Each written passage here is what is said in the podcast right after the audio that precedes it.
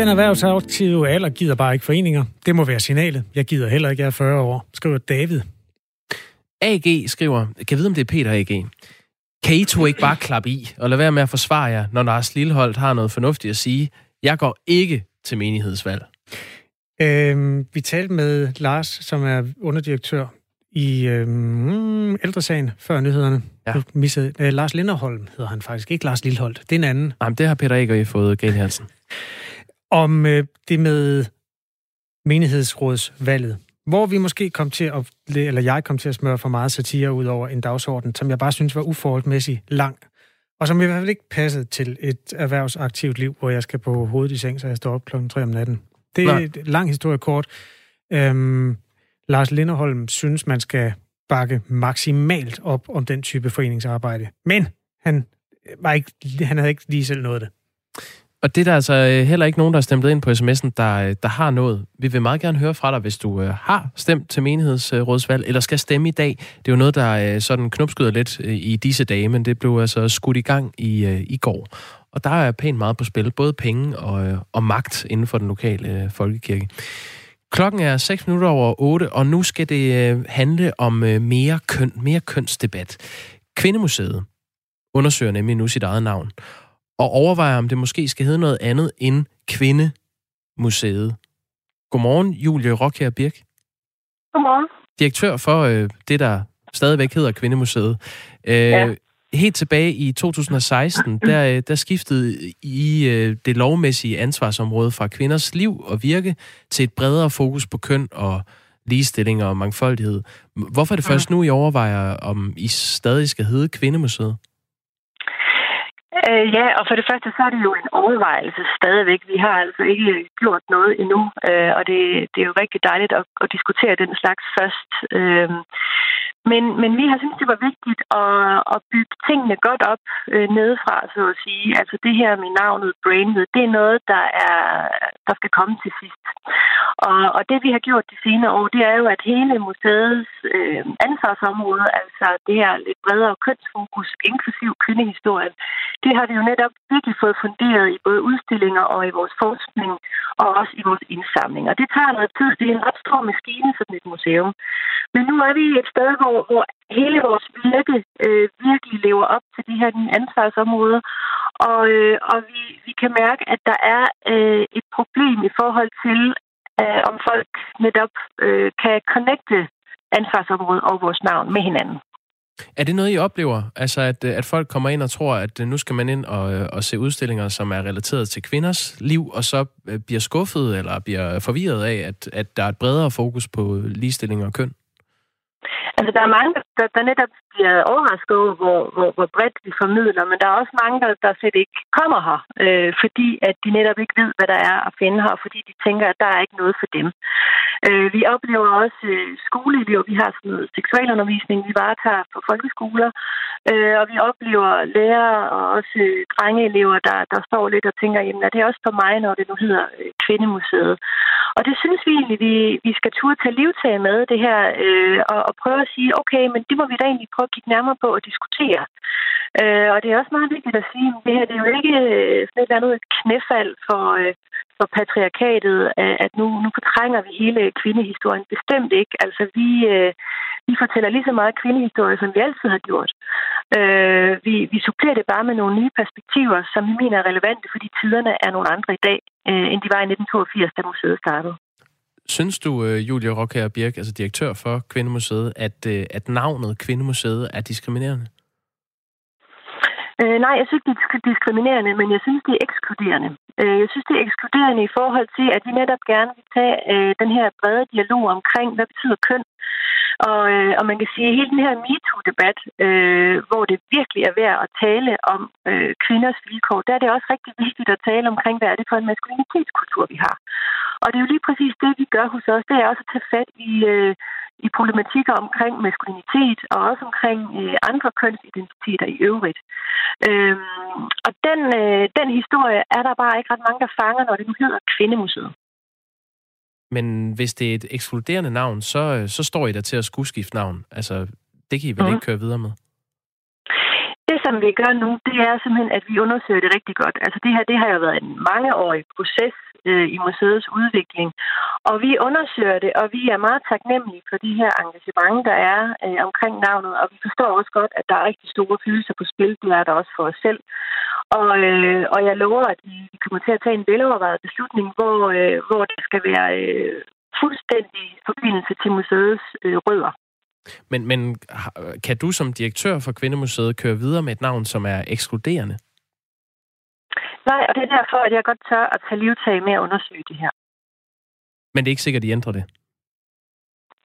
Mm, hvis alle undersøgelser peger på, at det er en dårlig idé at ændre det, og hvis alle folk godt forstår sammenhængen, nej, så gør vi det selvfølgelig ikke, men det er nu ikke vores indtagelse.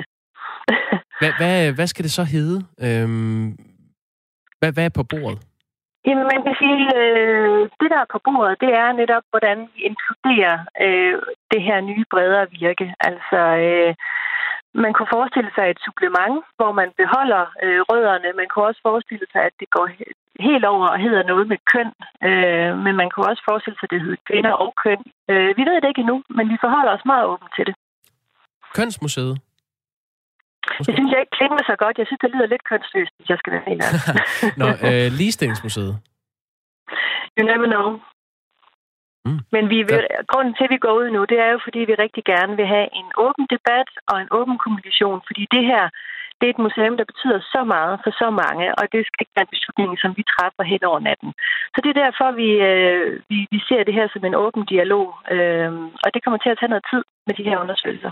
Hvad, hvad er det for nogle undersøgelser? Hvordan, hvordan laver I en åben dialog? Er det sådan, at, at gæsterne kan få lov til at, at braine med i den her proces? Mm.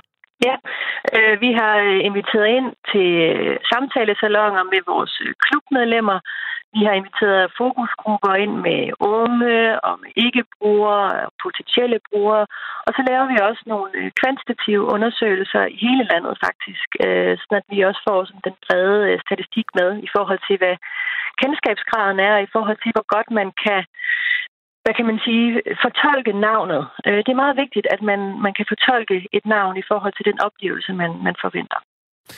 Og hvis, nu, nu er jeres fokus jo så ikke øh, kun på kvinders liv længere. Altså, de sidste fire år har I haft et, et bredere fokus, så det er det, mm-hmm. der mhm. skal afspejle. Det skal, der skal være noget med køn, ligestilling og, og mangfoldighed. Vi kan også lægge mm. den op her. Vi får faktisk en del uh, sms'er, mens vi uh, taler med dig, Julie mm. Rocker Birk, yeah. Yeah. direktør for Kvindemuseet. Og uh, jeg tror, jeg, nu lægger jeg hovedet på blokken og siger, uh, et par af dem, vi har fået, det er i hvert fald fra ikke-brugere af Kvindemuseet.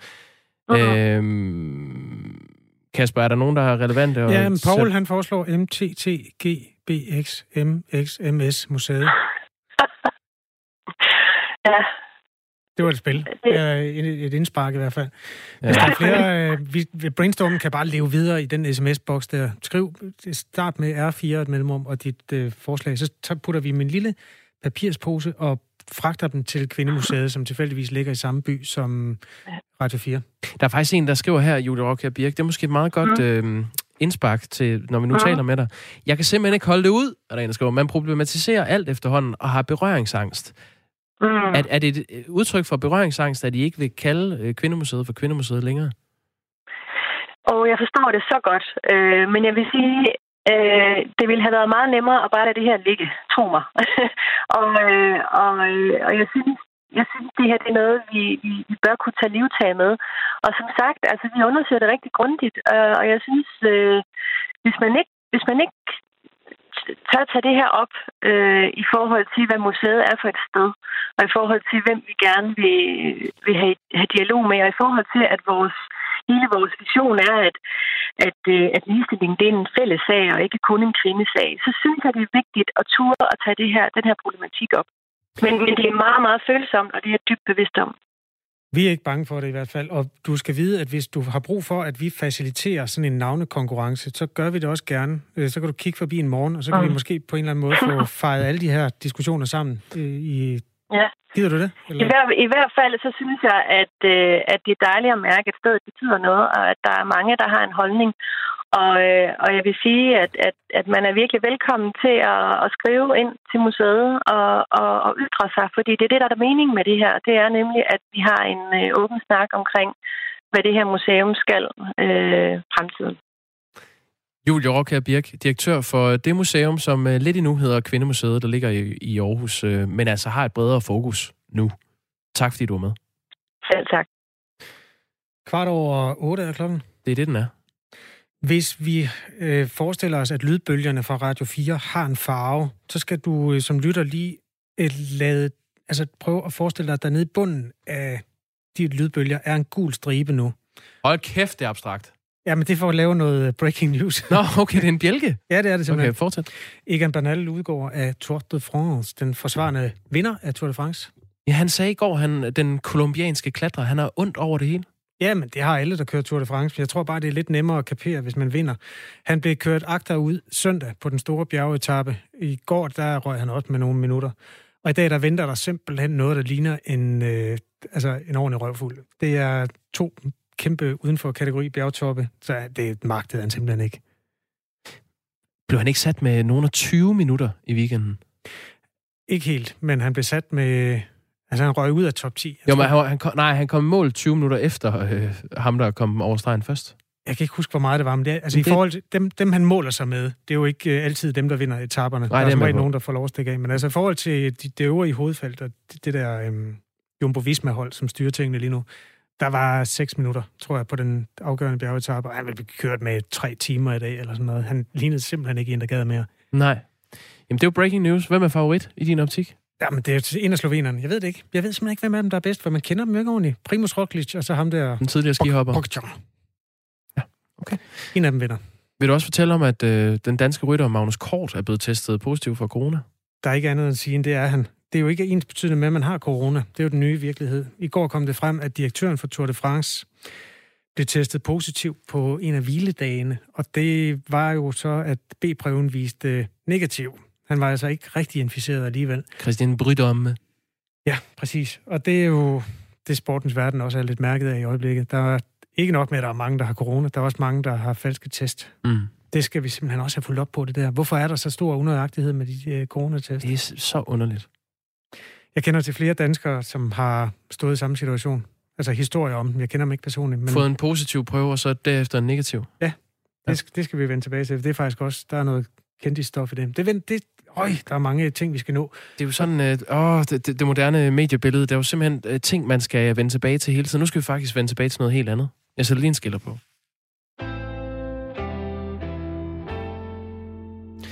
Det er nemlig debatten om ligeløn på det danske fodboldlandshold for herrer og kvinder. Den øh, rullede i sidste uge debatten om, hvorvidt herrerne skal afgive nogle øh, penge til kvindelandsholdet i fodbold i Danmark.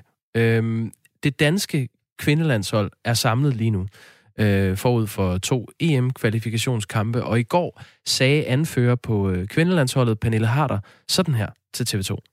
Selvfølgelig synes jeg, der skal være ligeløn øh, på landsholdene. Det, det sender en fantastisk god signalværdi, at man fra højeste hylde ligesom viser, at begge, både mænd og kvinder, piger og drenge, de er, de er lige værd.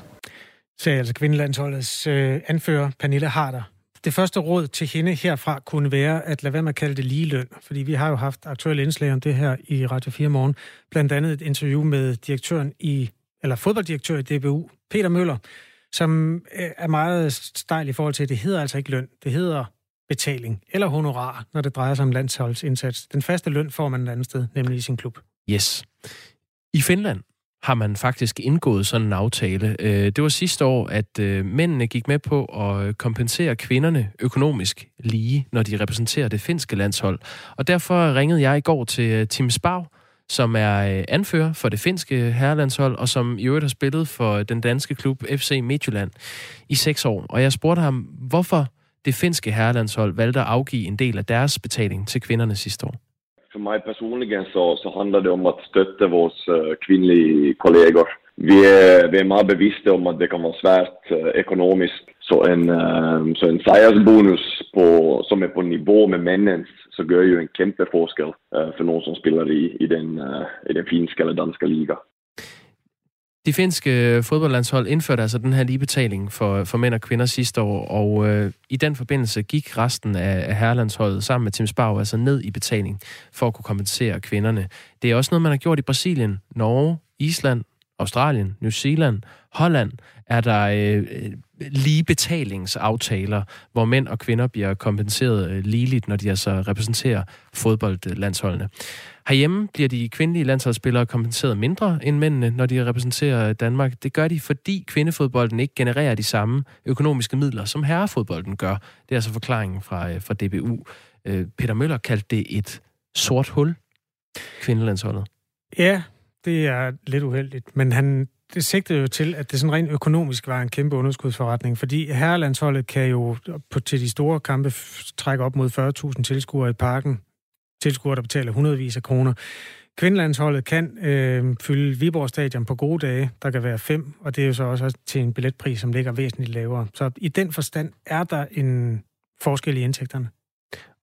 Og det er Tim Spau altså ligeglad med, øh, anføreren for det finske landshold, da jeg spurgte ham øh, ind til det, altså om det øh, er rimeligt, at når mændene nu har en større indtjening, altså simpelthen tjener flere penge ind til forbundet, øh, at de så skal afgive penge til, til kvinderne. Han synes, det er ligegyldigt, hvor mange øh, penge kønnene hver især genererer. Jeg er ikke en, en ligestillingsekspert, men, men for mig så er det egentlig altså, ligegyldigt. Uh, jeg synes, hvis man har en mulighed at, at hjælpe til, Uh, hvis man har lite empati så syns jag man ska, man ska ta chansen och, och arbeta för att, att kvinnorna också får en, en lön som de, som de förtjänar och att vi alla är, är med till att skapa bättre förutsättningar för, för kvinnorna i, i, uh, i sportens värld. Tim Spau, han eh, fortæller videre til os her på Radio 4, at han mener, at herrelandsholdsspillerne har et ansvar for at være med til at skabe det her fokus på, på kvinderne også. Syns ju också att Uefa och Fifa har ett kämpeansvar, men, men det, tar bara lite, lite längre tid när en, en stor båt ska, ska vända. Eh, så där syns jag att man har ett, ett personligt ansvar också för att, att bruka den plattform eh, och, och det syns jag vi har, det syns jag vi har gjort. Tim Spau, han vil ikke kræve, at de danske herrer afgiver deres bonusser, og han øh, kender heller ikke de danske aftaler til bunds. Øh, det er en disclaimer, han kommer med. Men han mener alligevel, at man skal finde en løsning, sådan at øh, kvinderne i Danmark på kvindelandsholdet bliver kompenseret ligeligt og får den samme betaling, som mændene gør. For mig så handler det om, at man, man er bevidst om, at, at kvinderne ikke har haft samme muligheder. Så der synes jeg, man, man skal være, øh, have, en, have en forståelse for, at, at hvilken situation kvinnorna befinner sig i och, och finna en, en, empati och en, en lösning att, att måske give lidt, uh, eh, give lidt tilbage. De aftaler, der gælder for henholdsvis kvinder og mænd, er skruet sammen på fuldstændig forskellige måder. Derfor kan man ikke eh, sammenligne dem en til en. En del af det honorar, som de får for at træde op på landsholdet, er bygget op omkring, hvor mange tilskuere der kommer. Og der får man som kvinde landsholdsspiller omkring 50 øre, mens man som mand får lidt over en krone. Øhm, at der er selvfølgelig en forskel i betalingen per tilskuer, og der er også væsentlig forskel i, hvor mange tilskuere der kommer. Så der er en forskel der. Så er der også noget med den bonus, man får for at møde op til kampen. Hvis det gælder venskabskampe, så får man som kvindelig spiller 2.500. Og det gælder altså uanset resultatet af kampen til en venskabskamp. Om de vinder, taber eller spiller uafgjort, så får de de her øh, 2.500. En mand får fem gange så meget til det, der hedder venskabskampe, eller øh, træningskampe. Hvad bruger man det? Testkampe, er det det, man kalder Jamen nu er det jo faktisk også sådan noget Nations League, øh, som jo egentlig er øh, tidligere kendt som venskabskampe. Nu har man bare gjort en turnering ud af det. Jamen, dem tror jeg ikke, du må blande ind i det, fordi der kan godt være en betaling fra UEFA så, der kommer ud af den enkelte kamp. Så derfor kalder vi det kun testkampe nu, fordi der kommer alle pengene fra DBU. Okay, men er det ikke sjældent, man har dem på det danske landshold? Fordi de er jo under den hat, der hedder Nations League nu. Jo, men hvis man får lyst til at spille mod øh, Ghana en eller anden dag, så kan man jo ikke møde dem i UEFA-regi i hvert fald. Nej, men det er længe siden, man har set den type kampe for det danske landshold. Mm, ja, men det er også fordi, at ja, det, det er det, der gør det kompliceret. Men ja. der, hvis man er mand, og man spiller en såkaldt testkamp, så hedder betalingen 12.500, hvis man vinder. Ellers det... hedder den 0 i den sammenhæng. Det skulle du lige vide. DBU sagde, øh, at de er med på at kigge på de her aftaler igen. Det sagde de til, til os her på Radio 4 i sidste uge. Men det handler om, om Spillerforeningen og spillerne selv er villige til at gå til forhandlingsbordet. Det er ligesom der, initiativet skal komme fra. Og vi forsøgte i sidste uge at få en kommentar fra Spillerforeningen. De vil ikke stille op, og øh, vi forsøgte igen i går, men de oplyser i en sms, at de som udgangspunkt ikke har noget at tilføje i Spillerforeningen. Det har Erik. Han har skrevet en sms. Man skal slet ikke have penge for at spille på landsholdet. Æren burde være betaling nok i sig selv. Og så er det jo også et udstillingsvindue for, at man kan øge sin værdi. Venlig hilsen, Erik. Synes... Niklas har også skrevet, hvis et produkt er noget lort, folk ikke vil købe, kan man ikke tage overpris. Billetter. Mm. Der har herrelandsholdet altså i perioder været noget værre lort, der godt kunne sælges alligevel. Ja, kvindelandsholdet på det er jo sådan set bedre, hvis man skal se sådan på det. Nå, det er der, den ligger i hvert fald. Spillerforeningen, øh, der kommer ikke noget initiativ derfra. De vil ikke stille op til interview om det her. Øhm, kan du gætte på listen over de fire sportsstjerner, der har tjent en milliard kroner? Hvor mange af dem, nej, en milliard dollar, undskyld. Hvor mange af dem, der er damer? Jeg tror desværre, det er nul. Ja. Der er fire sportsstjerner, der har rundet en milliard i karriereindtjening som aktive, og øhm, nyeste skud på den stamme, det er en argentiner, han hedder Messi, tror jeg, det udtales. Nå, ham ja. Øhm, I forvejen ligger der en, der hedder Cristiano Ronaldo på den liste. Så er der bokseren øh, Mayweather og en golfspiller, der hedder Tiger Woods. Uh, hvor er Tiger Woods i dag? Ja, det ved jeg faktisk ikke, hvor han er. Nej, det ved jeg ikke. Men der var, bare, der var der også en masse grimme sager der. Det er lige meget. Han, han er milliardær. Ja. Så, kan det, så går det lidt bedre efter den slags. Øhm, det hører med til historien, at Michael Jordan også har rundet en milliard, men det var efter, at han holdt op med at spille, og så begyndte han at lave sportstøj i stedet for. Ja, genialt move. Uh, Messi reklamerer jo også hæftigt for Pepsi Max. Jeg tror også, han hiver en hel del uh, basører på den konto. Når vi nu er ved cola, har du lagt mærke til, at øhm, Coca-Cola er blevet øh, stor sponsor i Premier League? Ja, de begynder at lave meget pæne dåser. De laver simpelthen sådan en dåser formet som øh, nogle af klubbernes spilledragter, eller i hvert fald samme farve sammensætning. Det er ret, øh, nu ved jeg godt, Coca-Cola, det er kulturimperialistiske halvøjer, det er ikke alle, der kan lide det. Jeg siger bare, ud fra en ren æstetisk betragtning, så er det altså faktisk øh, ret flotte dåser, de har fået Jeg, jeg var deklareret lige med en lille trumhjul, så her kommer en reklame for Coca-Cola. Ej, det gør jeg. okay. Men øh, det, der undrer mig, det er, at jeg har kun set den i fire varianter.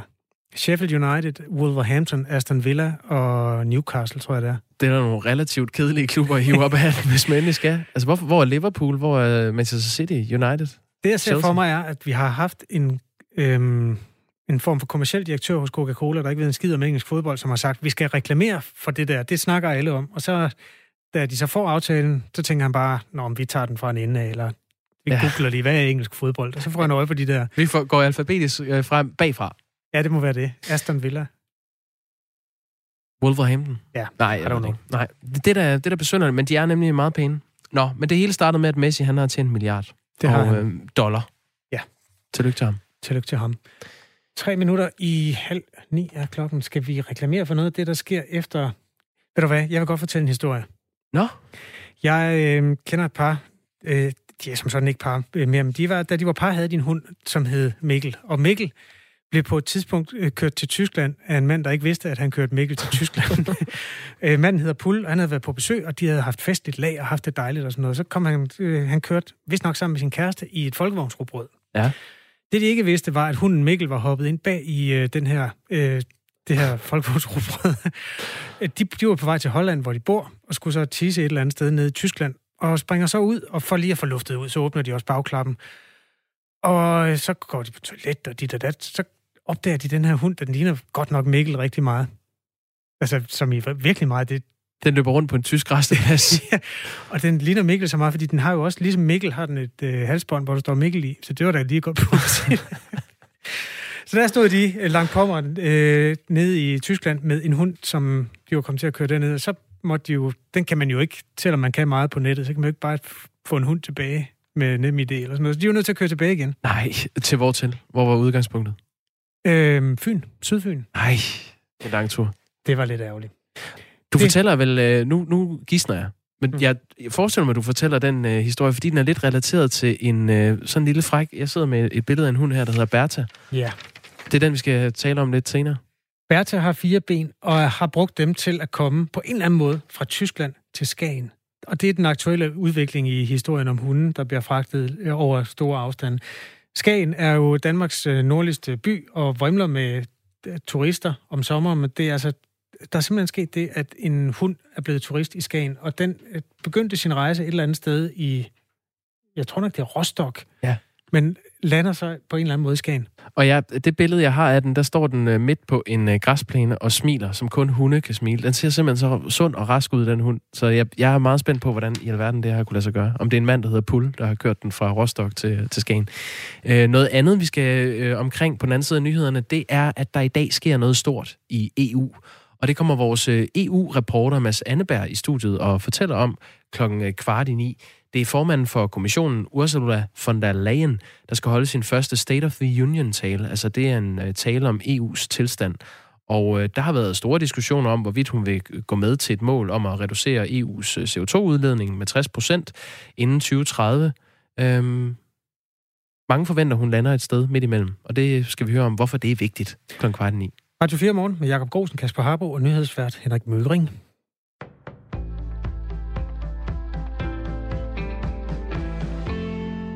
Regeringen indgår i dag en samarbejdsaftale med landets største enkeltudleder af CO2, Aalborg Portland. Med aftalen forpligter cementproducenten sig til at reducere sin CO2-udledning med 660.000 ton frem mod 2030. Det er fantastisk positivt, siger klima-, energi- og forsyningsminister Dan Jørgensen til TV2. Det her det er altså en ny måde at arbejde på, og ambitionen er selvfølgelig, at det her det skal være øh, den første af sin slags, øh, men at der meget gerne skulle komme flere af den type øh, aftaler fremover med andre virksomheder. Verden får også brug for cement i fremtiden. Løsningen er derfor ikke at gøre livet så surt som muligt for virksomheder som Aalborg Portland, så de flytter deres produktion til andre lande, udtaler ministeren. Reduktionen på 660.000 ton CO2 svarer til at fjerne 250.000 biler fra vejene herhjemme. Den her meget store reduktion, den er stor, ja vel, men, men vi vil jo sådan set gerne have, at den bliver endnu større. Og det vil Aalborg Portland sådan set også, og derfor vil vi jo øh, kontinuerligt i processen se, om man kan gøre øh, ting, der kan, der kan bringe øh, reduktionerne endnu mere op, udledningerne endnu mere ned. Regeringens coronarestriktioner om, at restaurationer i København skal lukke kl. 22, kan få store konsekvenser for branchen. Det siger blandt andre Peter Blak, direktør i The Old Irish Pub, som må lukke fire ud af fem bar i hovedstaden. Jamen, der er simpelthen ikke gæster til det. Der er ingen omsætning i, i, det, i det tidsrum. Altså, der vil være så få øh, kroner, at, øh, at, at det er en meget, meget dårlig forretning. Så, så det er simpelthen et spørgsmål, om der ikke er, er penge i det. Fra i morgen skal bar, caféer og restauranter i 17 hovedstadskommuner lukke kl. 22. Det er en af restriktionerne, som blev præsenteret i går, efter da den seneste tid har været et stigende smittetal. Der er ikke umiddelbart nye hjælpepakker på vej til branchen. Så vi er lidt skuffede over det, at, øh, at det man fra politisk hold ikke understøtter erhvervslivet, som man lovede. Det har vi ellers hørt erhvervsministeren og statsministeren sige så ofte. Parlamentet i Tokyo har valgt Yoshihide Suga som ny premierminister efter Shinzo Abe. Dermed bliver Suga den første nye leder i Japan i knap otte år. Han blev i mandags valgt som partileder for det liberale demokratiske parti. Det var dermed ventet, at Suga vil blive valgt til posten som premierminister. Han står over for en række udfordringer som ny premierminister herunder genoplivningen af en økonomi, der er blevet hårdt ramt under coronakrisen.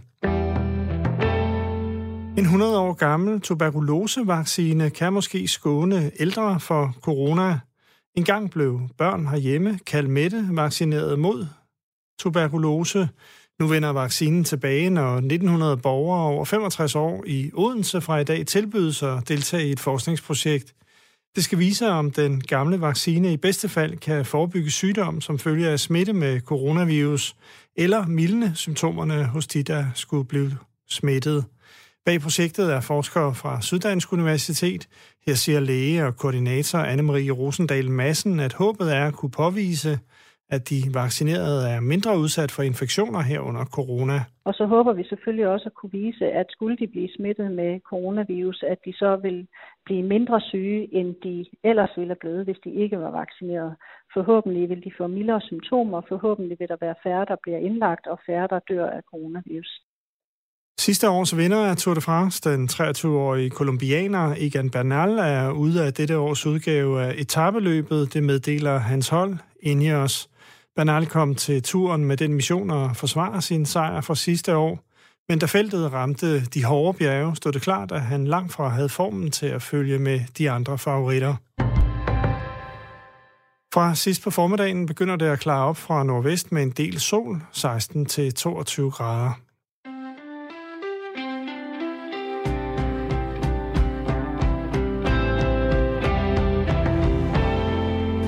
Du fik sagt, at du, øh, Kasper, ikke havde tid til, som erhvervsaktivt øh, menneske og radiovært på den her station, at øh, tage til menighedsrådsvalg.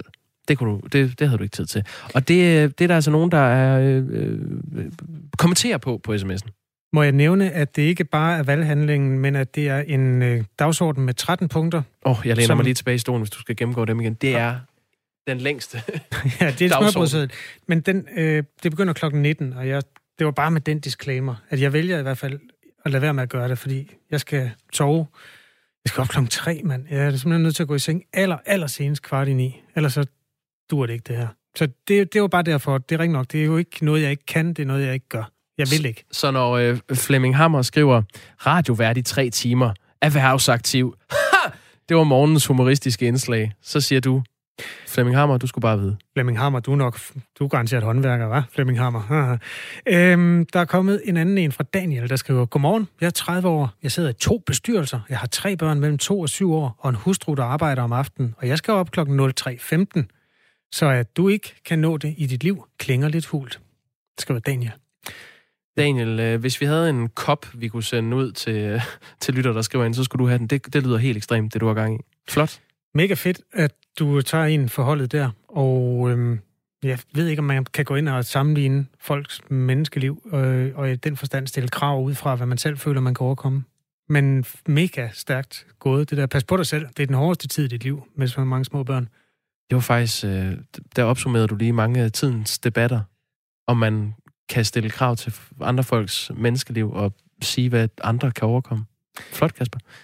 Øhm, klokken er 24 minutter i 9, og det er Radio 4 morgen, du lytter til, og Veganerpartiets formand har trukket sig fra posten. Ja, det må vi lige vende tilbage til. Ja, skal, skal Jamen, vi... tag den bare nu så. Okay. Ja, det synes jeg da, fordi Veganerpartiet er jo lige blevet opstillingsberettiget. Øh, de har fået partibogstavet øh, G, og dagen efter det har Veganerpartiets øh, formand Michael Monberg valgt at trække sig fra posten. Han har skrevet på Facebook, det er med kæmpe vemod, at jeg må meddele, at jeg giver faklen videre til de mennesker, som har fundet sig til rette i organisationen. Det har været en af de sværeste beslutninger, som jeg nogensinde har truffet, og lige nu føles det måske forkert, men jeg ved, at timingen er rigtig. Hvorfor? Det ved jeg ikke. Det er da ikke en god timing. De er lige blevet opstillingsberettiget. Måske, nå, jamen det kunne selvfølgelig have været. Altså han, Michael Monberg, jeg kender ham ikke personligt, men jeg har interviewet ham i det her radioprogram.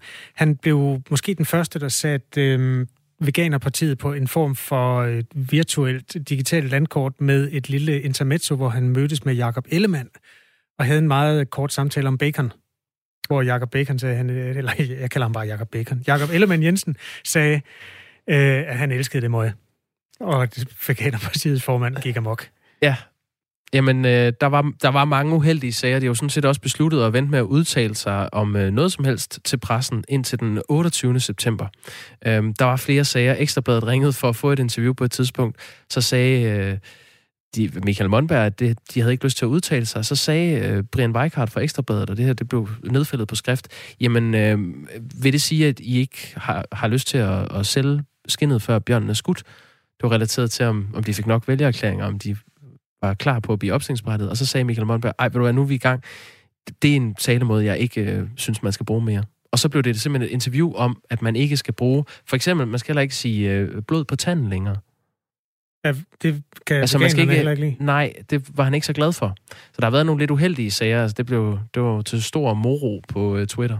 Jeg er ikke sikker på, at ting er uheldige, bare fordi de er til moro på Twitter. Altså for det første synes jeg, at det er et skodsted, og jeg er der aldrig. Men for det andet, så er det jo øh, der, hvor man markedsfører synspunkter, så de bliver lagt mærke til. Det kan du have ret i. Men øh, de havde så ikke lyst til at, at fortsætte med at markedsføre de øh, synspunkter. De skulle lige øh, ned på skrivebordet igen. Og det er måske derfor, nu bliver det Lisel Vad Olsson, som bliver ny formand for Veganerpartiet. Jeg glæder mig til at høre, hvad, hvad hun tænker, partiet skal. Godt. Jamen, øh, men vi ved ikke, hvor... Må man sige, hunden er begravet? Det må man Nej, det ikke. må du ikke sige. Nej, godt. Men vi ved ikke, hvorfor han har trukket sig. Vi vender tilbage, hvis der er nyt i sagen. 22 minutter i 9. Vi bliver i en vis forstand i dyreriget, fordi, og hunderiget. Der er en hund, der er gået til Skagen. Altså en hund er vandret fra Tyskland hele vejen op igennem Jylland det seneste halvandet år, og så er den blevet fanget i den nordligste by, der overhovedet eksisterer i kongeriget Danmark, medmindre man tager rigsfællesskabet med, og så langt kunne den trods alt ikke gå. Men altså, den er gået til Skagen. Og øh, Martin Gade Christensen er indehaver af internatet Lillerigs Center i Nykøbing Mors, hvor øh, hunden Bertha er lige nu. Godmorgen. Godmorgen. Bertha er fra den, den tyske by Rostock og er gået til Skagen. Ved I noget om, hvordan den er, altså, har tilbagelagt den strækning? Ja, det har vi jo ikke noget evidens for, hvordan hun er kommet fra A til B, men uh, vi har evidens for, at hun har været de steder, hvor der er, der er oplyst. Men sandsynligvis på hendes boter. Kan hun godt gå så langt? Ja, altså hvis vi regner sådan gennemsnitsfarten ud, eller øh, hvad, den har, hvad den har gået per dag, så er det omkring 5 km om dagen. Ja, det er selvfølgelig ikke alverden, men altså, Bertha blev spottet på fri fod i Tyskland ved Rostock for halvandet år siden. Et halvt år senere blev der taget billeder af hende på Rømø, og, eller Rømø. Og skønt Rømø er en ø i Vesterhavet, så er der jo altså en dæmning derover, og det vil sige, det, det kan godt lade sig gøre på poter. Øh, senere blev hun set ved grænsen igen, og så tog Bertha turen nordpå, hvor hun blev set ved Lime i Salling og indfanget i Skagen. Øh, det var nogle tyskere, skal vi måske sige, øh, det, der spottede hun i Rostock og tog billeder af hende, og som døbte hende Bertha. Men øh, Martin Gade Christensen, hvem er Bertas ejere? Ja, det ved vi ikke noget om endnu. Vi har ikke kunnet sætte en scanner på hende, og vi er ikke klar om, hun har en chip. Forløbet så lader vi Bertha bestemme tempoet i at komme til os. Og hun kan sådan tolerere, at vi er inde ved hende, og hun kan sørge med at komme hen og snuse til os Og nu. Der er altså virkelig fremskridt med hende nu her, og det er dejligt at se. Så vi forventer, at vi i løbet af i dag eller de nærmeste dage kan få scanneren på hende, så vi kan se, om der er en chip. Og så kan det være, at den kan give os nogle oplysninger omkring ejeren. Udfordringen kan være, når det er udenlandske tip. Martin Gade Christensen, hvordan, hvordan kan vi vide så meget om Bertas færden? Altså, hvordan øh, ved vi, at der er nogle tyskere, der for halvandet år siden har set... Nu, jeg sidder med et billede af Bertha. Meget, meget sød hund, men ikke på den måde en øh, unik hund, som jeg ville kunne genkende, hvis jeg havde set den i Rostock for halvandet år siden. Altså, hvordan kan vi øh, øh sådan øh, vide, hvilken vej hun har taget, og der, at der er taget billeder af hende på Rømø? Kunne det ikke være en anden hund? Nej, altså der er evidens for, at øh, billederne de viser, at det er Bertha. Det er meget tydeligt, det er Bertha på de billeder, der er taget. Det startede jo nede i Rostock, hvor der var en, øh, det her vist Tirschütz Dakota, en, øh, en, en, en hjælpe, animal protection, eller hvad man kalder det dernede, der var have, der ligesom herhjemme med savnede hunde, havde taget nogle billeder af hunden, og de kommer så i kontakt med savnede hunde, Helle Kirkegaard, og så bliver der ellers rapporteret ind forskellige steder fra og der bruger man så medierne Facebook. Hvad er det specielle ved Bertha? Jamen det spe- specielle ved Bertha, det er jo egentlig, at man kan sige, at hun uh, har ikke uh, lidt nød af hendes rejse. Hun er en hund, der er meget fin af foderstand. Uh, hun har formået at, at udvikle nogle gevaldige lårmuskler, uh, kan vi se bagpå. Og så har hun jo også formået at få føde. Og det vi har fundet ud af op fra øh, skavbordene af, det var jo måden vi fik indfanget ind på deroppe, eller Helle Kirkegaard fik en indfanget på, det var at øh, vi bag øh, øh, skavbordene om at lade være med at sætte foder ud til kattene. Rundt omkring i Danmark er der mange, der gerne vil hjælpe vilde katte og så videre, de sætter foder ud. Og det er sandsynligvis det, som Bertha har, har, har fået som ernæring hele vejen op igennem Danmark. Hvad sker der nu? Jamen det, der sker nu, det er, at Bertha, hun skal, vi skal have ro på Bertha, og hun skal have genopbygget noget tillid til mennesker. Og det må tage den tid, det tager. Det kan tage fra, ja, fra nogle dage, det tvivler jeg på, og så til, jamen altså, hun vil blive ved med at bære på det her. Øh, så vi forventer, at vi skal have hende en del måneder her, og så skal vi ud og finde et nyt øh, hjem til, til Bertha. Øh, så, så det bliver en meget spændende proces, vi skal i gang med, også at se, hvor langt kan vi egentlig nå med Bertha. Held og lykke og pas godt på, øh, på hunden, nu hvor det lykkedes den at gå så langt. Det er altså en debat om, om hvor hunde vandrer over grænsen, ligesom andre dyr har gjort det. Vi ved, hvor ulven kom fra og alt sådan noget. Nu øh, er det altså Martin Gade Christensen, som er indehaver af internatet Lille Rigscentret i Nykøbing Mors, der har fået æren af at passe på den her hund. Tak skal du have, fordi du var med, Martin Gade Christensen. Ja, selv tak. Det er vist det, man kalder en vandrehistorie, skriver Jens. Ja, tak. Godt, Jens. Klokken er 17.09. Der er sket det hverken værre eller bedre, end at Donald Trump øh, fortæller tv-stationen ABC News, at øh, nu kommer den. Hvad kommer? Vaccinen. Den amerikanske udgave af slagsen. Ja, og det er jo ikke i den forstand banebrydende. Der er jo andre lande, der har været ude med noget før. Det, der... Du får citatet fra Donald Trump. Vi er meget tæt på at have en vaccine. Hvis I vil kende sandheden, så ville det måske have taget den tidligere regering år, før den havde vaccine, på grund af Lægemiddelstyrelsen og alle tilladelserne, skriver Donald Trump. Hvorfor vil det have taget længere tid for den tidligere regering? Fordi at de ikke er lige så hurtige som Donald Trump til at lave vacciner. Men det er vel ikke fordi, at de er gået udenom Lægemiddelstyrelsen i USA, øh, Donald Trumps øh, regering? Jamen, det er jo altså det, der ikke fremgår af den her første udgave af artiklen. Det er ligesom, at øh, vacciner, de har generationer. Der første udgaven af den her nyhed, der fremgår det simpelthen ikke, hvordan det kan lade sig gøre, at Donald Trump han er den bedste til at lave vacciner, men det er han. Så skal jeg fandme ikke have noget, hvis de ikke har kørt den forbi Lægemiddelstyrelsen. Ej, men, men man øh... kan sige, det sker jo alle steder i verden lige nu. Og en ting er, at vaccinen er klar. Den er formentlig ikke klar, klar, men klar til at blive testet på mennesker. I Kina, der er kommet nyheden i forgårs, eller også var det i slutningen af sidste uge, den kom, at man havde faktisk hele 20 versioner af vaccine. Noget var næsespray, noget var øh, injektioner, og alt det der, det skulle testes på mennesker. Ja. Hvilket ikke, efter mine oplysninger, er så svært at få gjort i Kina, som det er nogle andre steder.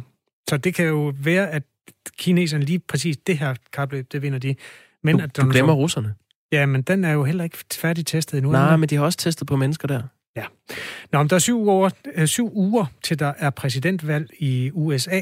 Der skal amerikanerne altså vælge mellem en mand, der hedder Donald Trump, og en mand, der hedder Joe Biden. Godmorgen, Mads Anneberg. Godmorgen. Godmorgen. Vores EU-reporter her på kanalen er kommet i studiet, og øh, du siger, der sker noget stort i dag, som lytterne skal holde øje med resten af dagen. Hvad ja, det, det. Må jeg ikke lige øh, have lov at sige, at øh, tidsfristen for os i EU for på en, øh, for, for på en øh, vaccine, det er jo øh, inden nytår, er der nogen, der siger. Hvem er det? Hvis vi er heldige. Det siger EU-kommissionen. Nå, okay. Det kan jeg også Good news. Jamen, ja. øh, tak for det. Så det er, måske ikke, det er måske ikke helt så hurtigt som Donald Trump, men, øh, men det kommer trods alt forhåbentlig til at ske snart. Og øh, det er jo så den ene gode nyhed, du har åbenbart har med til os. Hvad er det andet, du skal holde øje med resten af dagen? Hvad er det? Jamen, det er noget, der hedder State of the Union, og som øh, oversættes til unionens tilstand. Det er altså den europæiske union, vi taler om her. Ja. Øhm, er, det, er det et koncept, du har hørt om nogensinde, Jacob? Uh, State of the Union, eller uh, ja. den europæiske union? Først nævnte. Uh, ja, det er noget, jeg har hørt om, men uh, egentlig ikke i den her forbindelse. Nej, for det er jo noget, man har planket fra amerikanerne. Nemlig? Øh, som har holdt den her State of the Union-tale i, i, i mange år, altså den amerikanske præsident en gang om året.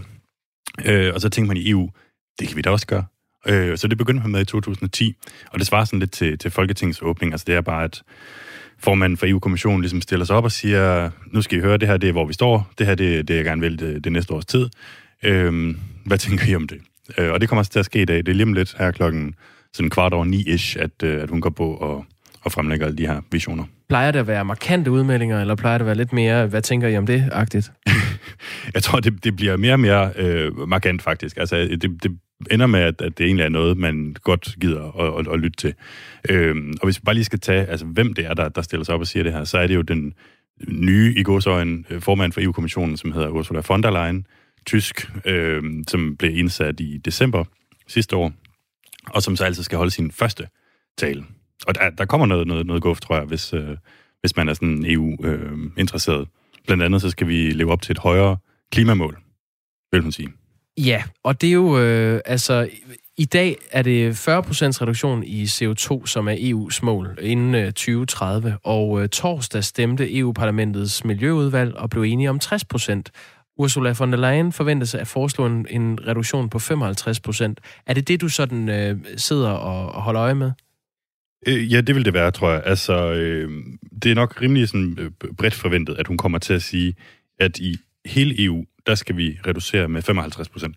Og det er jo det, som vi, vi, vi i Danmark øh, er blevet enige om, at vi skal reducere med 70. Men, men det er man ligesom ikke helt klar til på EU-niveau. Øh, så 55, det er også ret flot, altså fordi det nuværende mål, det hedder så 40, som du siger. Mm. Det vil ske helt af sig selv. Det, det, det er det, der sker, hvis ikke vi gør andet end det, vi gør nu. Så 55, det er ligesom der, der, der kommer vi op øh, på, på, øh, i, i lidt en anden øh, boldgade, hvor der rent faktisk, hvor det er noget, man vil kunne mærke, også øh, du og jeg.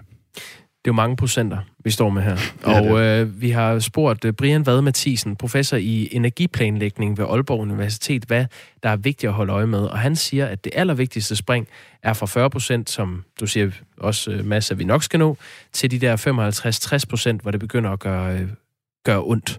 De 40 procent er rimelig tilforladeligt. Det skal vi nok nå. Det er ikke så stort et problem. 55-60 procent kræver, at vi tager os sammen. Og øh, når man skal op i 55 eller 60 procent, så er der altså en hel del flere ting, øh, der skal til, og hvor det også begynder at gøre ondt på en anden måde. Og øh, nogle af de svære sektorer, det er jo øh, sådan noget som øh, transport. Øh, det er sådan set også øh, sådan noget som, øh, som industri, det er sådan noget som landbrug. Det handler jo sådan set om, at vi får implementeret øh, teknologierne. Vi skal have øh, sat en slutdato for, hvornår vi bruger olie i, øh, i bilerne. Vi kommer over på el. At vi skal have skiftet naturgassen ud med fjernvarme. Vi skal have isoleret boligmassen i Europa. Så, så det er jo ikke fordi, at øh, øh, vi skal vente på, at der springer nye øh, opfindelser ud fra forskningsinstitutionerne eller virksomhederne. Det er sådan set hyldevarer, vi skal have implementeret. Og i, i det lys er det sådan set udmærket, der kommer et pres på. Det sagde øh, Brian Vad Mathisen, professor i energiplanlægning ved Aalborg Universitet. Og vi har også ringet til en anden ekspert for at forstå, hvorfor det er vigtigt det her. Det er Sebastian Mernil, som er professor i klimaforandringer og hovedforfatter på den øh, kommende rapport fra FN's klimapanel. Han mener slet ikke, at det er nok med de her øh, 55 til, til 60 procent, som øh, Ursula von der Leyen øh, står for. Men han mener alligevel, at det er et vigtigt signal at sende til omverdenen. Altså, hvis vi skal nå mål med Paris-aftalen, så skal der mere til. Så jeg mener, jeg mener faktisk, at man bør gå efter mere, men, men omvendt så er 60 procent eller 55 procent også en, altså sådan en ok start til at starte med, men, men omvendt, der skal mere til, hvis vi skal nå øh, Paris-aftalens målsætning. Øh, EU står for Øh, for 9 procent af den samlede globale udledning af CO2. Og derfor så mener jeg også, at EU har et ansvar her for ligesom at reducere deres øh, udledninger øh, nu, men også i fremtiden. Og så er der det andet, det er, det er ligesom signaleffekten, ikke? at hvis EU kan gå mod 55 procent og forhåbentlig over tid mod højere, en højere reduktion, jamen så mener jeg også, at man sender et, et, et stærkt signal til verden omkring os. Vi skulle meget gerne op på 70 procent, Øh, signalværdien er i hvert fald, den er i hvert fald interessant der, også fordi hvis EU kan, jamen, så mener jeg også, at amerikanerne kan. Amerikanerne bærer en, en, en stor del af skylden, når vi snakker om øh, globale reduktioner. Det var vurderingen fra Sebastian Mernil, professor i øh, klimaforandringer, altså hovedforfatter på den kommende rapport fra FN's klimapanel.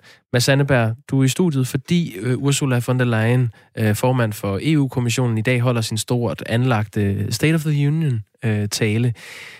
Den skal jo diskuteres efterfølgende. Hvad, hvad kommer du til at, at holde øje med resten af dagen? Jamen altså, der er måske hmm, en lille bitte håndfuld øh, emner, som, som, som er spændende i den her sammenhæng. Øh, jeg er helt sikker på, at hun kommer ind på øh, migration, fordi vi har lige set, at der, der er, altså, Europas største flygtningelejr i, i, i Grækenland på, på Lesbos er, er brændt ned, og EU-kommissionen øh, står til faktisk at, at skulle fremlægge en ny idé til, hvordan vi kan sådan øh, indrette os rent øh, migrationsmæssigt øh, i EU, fordi det sejler. Der er simpelthen ikke noget pral af. Øh, så hele den, altså, hvis du skal tage sådan en tilstandsrapport på, på, på det område, så ser det ret skidt ud, og det er der jo mange, der gerne vil prøve at gøre noget ved, men mange, der også er uenige om, hvad der skal gøres. Så det er den ene ting, hvad hun vil sige der. Øh, så er der selvfølgelig øh, corona. Altså, det er jo den helt store elefant i, i, i, i, i klassepolitikken i EU lige i øjeblikket. Stadigvæk, øh, fordi vi er øh, hvad skal man sige, vi har været så meget igennem i år, øh, og, og vi er, altså EU startede sådan lidt sløvt, øh, men kom så igen med et, med et kæmpestort øh, svar og lavede sådan en, en meget øh, flot pakke, der skulle, der skulle hjælpe nogle af de andre, nogle af de mest sådan, trængende lande. Øh, så det vil hun da helt sikkert komme ind på.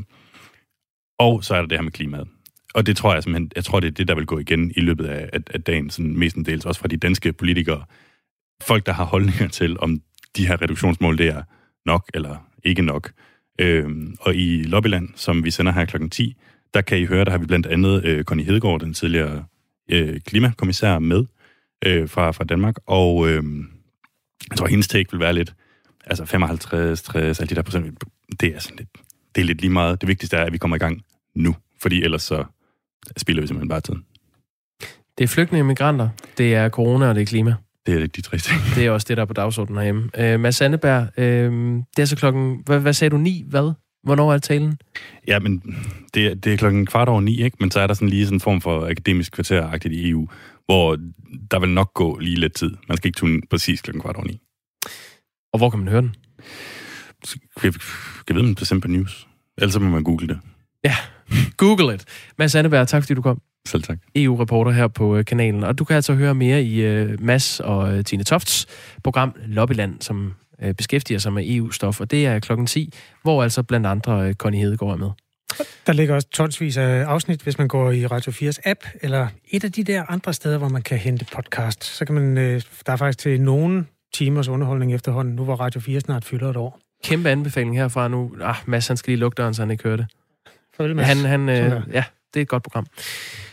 Kasper, Ja, må jeg komme med en navnenyhed? navne nyt? Ja. Ja. Og det er sådan i den sørgelige ende, Bill Gates er død. Hvad? Men det er ikke den Bill Gates. Nå. Det er faren. Altså Bill Gates far, Bill Gates, Ja. er død. Ja, æret være hans minde. William Henry Gates, det er jo navnet på Bill Gates. Altså, det var, Bill Gates hedder, hans borgerlige navn er Bill Gates, eller det er øh, William Henry Gates. Faren, men det, han hedder den tredje, altså Bill Gates, som vi kender. Ja. Han hedder William Henry Gates den tredje. Faren blev kaldt Bill Gates, ligesom Bill Gates, øh, men han hedder William Henry Gates den anden, og Nå. han er død. Nå. En øh, stor mand på mange måder. Han var to, eller det er han sikkert stadig, to meter øh, høj, og så var han, øh, jamen, med hele den der klassiske amerikanske historie, st- øh, tjente under 2. verdenskrig, fik bygget et advokatfirma op, han var øh, filantrop, og det, st- hjalp de fattige, han havde et fodboldhold, han, han støttede, og han døde midt af dage i en alder af 94. Nå, det var måske en fin historie alligevel så. Det tror jeg Trods faktisk. alt. Ja, jeg tror, der er flueben ved det hele. Men selvfølgelig sørgeligt. Altid sørgeligt, når Bill Gates dør. Det må man sige, jeg blev lige... Ja, nej, den anden, Tænkte, han lever, godt nok breaking. den anden lever i bedste velgående. Den tredje er han jo så. Bill Gates den tredje. Godt, der er øh, alt godt for havet. Så vil jeg gerne fortælle dig noget. Tak. Det er ikke navne nyt. Det handler om papegøjer, og det er noget, der foregår i Storbritannien. Øhm, vi kender jo alle sammen det der med øh, de der Zoom-møder, vi har været til. De digitale online-møder, hvor man øh, helst ikke skal snakke i munden på hinanden. Sådan her vil jeg nemlig reagere, hvis vi havde haft den her samtale på Zoom, fordi så kunne jeg ikke høre, hvad du sagde, eller internettet ville... øh, Det er alt det der med, at det pixelerer, og så kan man pludselig ikke, og så er der ekko på og sådan noget. Men Mm. man har de der videoruder, hvor man skal forsøge at føre en samtale. Der er altid en eller anden med til mødet, der har både højtaler og mikrofon tændt på en gang. Ang, ang, ang, ang. Så hver gang Connie fra, øh, fra regnskab, hun siger noget, åh, åh, åh, åh, åh, så kommer de der. Lige øh, præcis. Jeg hader det. Og øh, som om det ikke var nok, hvis du så også var papegøje-ejer, så tror jeg simpelthen, du har været klar til at springe ud fra den nærmeste øh, klippetop. Øh, det har været svært for papegøje-ejerne, det her med øh, Zoom-møderne, åbenbart. Nå. Øh, jeg ved næsten ikke, hvor jeg skal starte. Det er Daily Mail, der har den her Jeg ved godt, hvor du skal starte. Du skal starte med at fortælle, hvilke møder går man til som papegøjeejer betragtet? Jamen, det kan jo være alle mulige øh, møder. Nu kan du ikke sætte en papegøjeejer i bås med Nej. andre papegøjeejere. Du kan ikke skære nogen over en kamp. Men i hvert fald folk, der ejer en papegøje, som har været på Zoom-møder, har oplevet, at de her papegøjer, de, har, de er gået fuldstændig amok under øh, møderne. Og det har betydet, at øh, et britisk genhusningscenter for fugle har meldt om en stigning på 70 procent øh, af pape- papegøjer, der nu mangler et nyt hjem.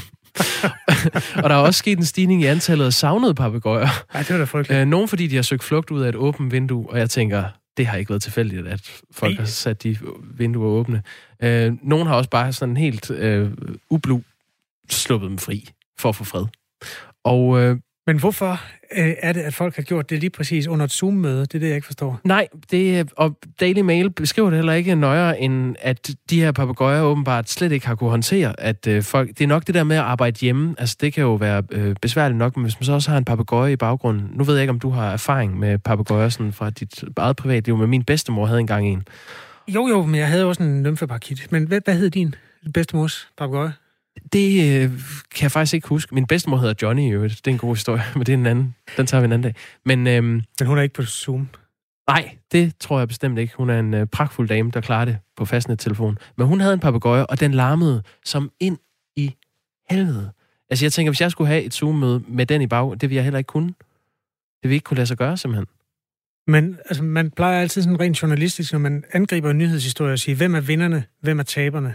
Altså, er der papegøjeejerne har jo ikke nogen, de har mistet papegøjerne. Er de trætte af det? Øhm, nej, men nu står det her genhusningscenter for fugle, og generelt andre genhusningscentre, med et kæmpe problem, fordi de mangler øhm, mænd på jagt efter en papegøje, ikke kvinder. Og det er fordi, at papegøjer udvikler præferencer efter, hvilket køn de er blevet ejet af først. Og der har altså været flest mænd, der har ejet en papegøje og sagt, nu kan du rende og hoppe, rende og høns. øh, så, så nu er de her mandevandte papegøjer, øh, de mangler et nyt hjem i Storbritannien. Så hvis du er en lytter fra Storbritannien, vi ved, vi har få, og mand, og mangler en papegøje, så øh, sig til. Det her det er jo en historie, der går stik imod den strøm, vi har hørt i Danmark, nemlig at øh, efterspørgselen på kæledyr, den har været eksplosiv, netop fordi folk gik og kedede sig derhjemme. Men papegøjer er altså i overskud. Det hører med til historien også, at i øh, Storbritannien, i London, der er der en kæmpe bestand af vilde grønne parakitter. Jeg tror, det er samme slags som også er i Amsterdam.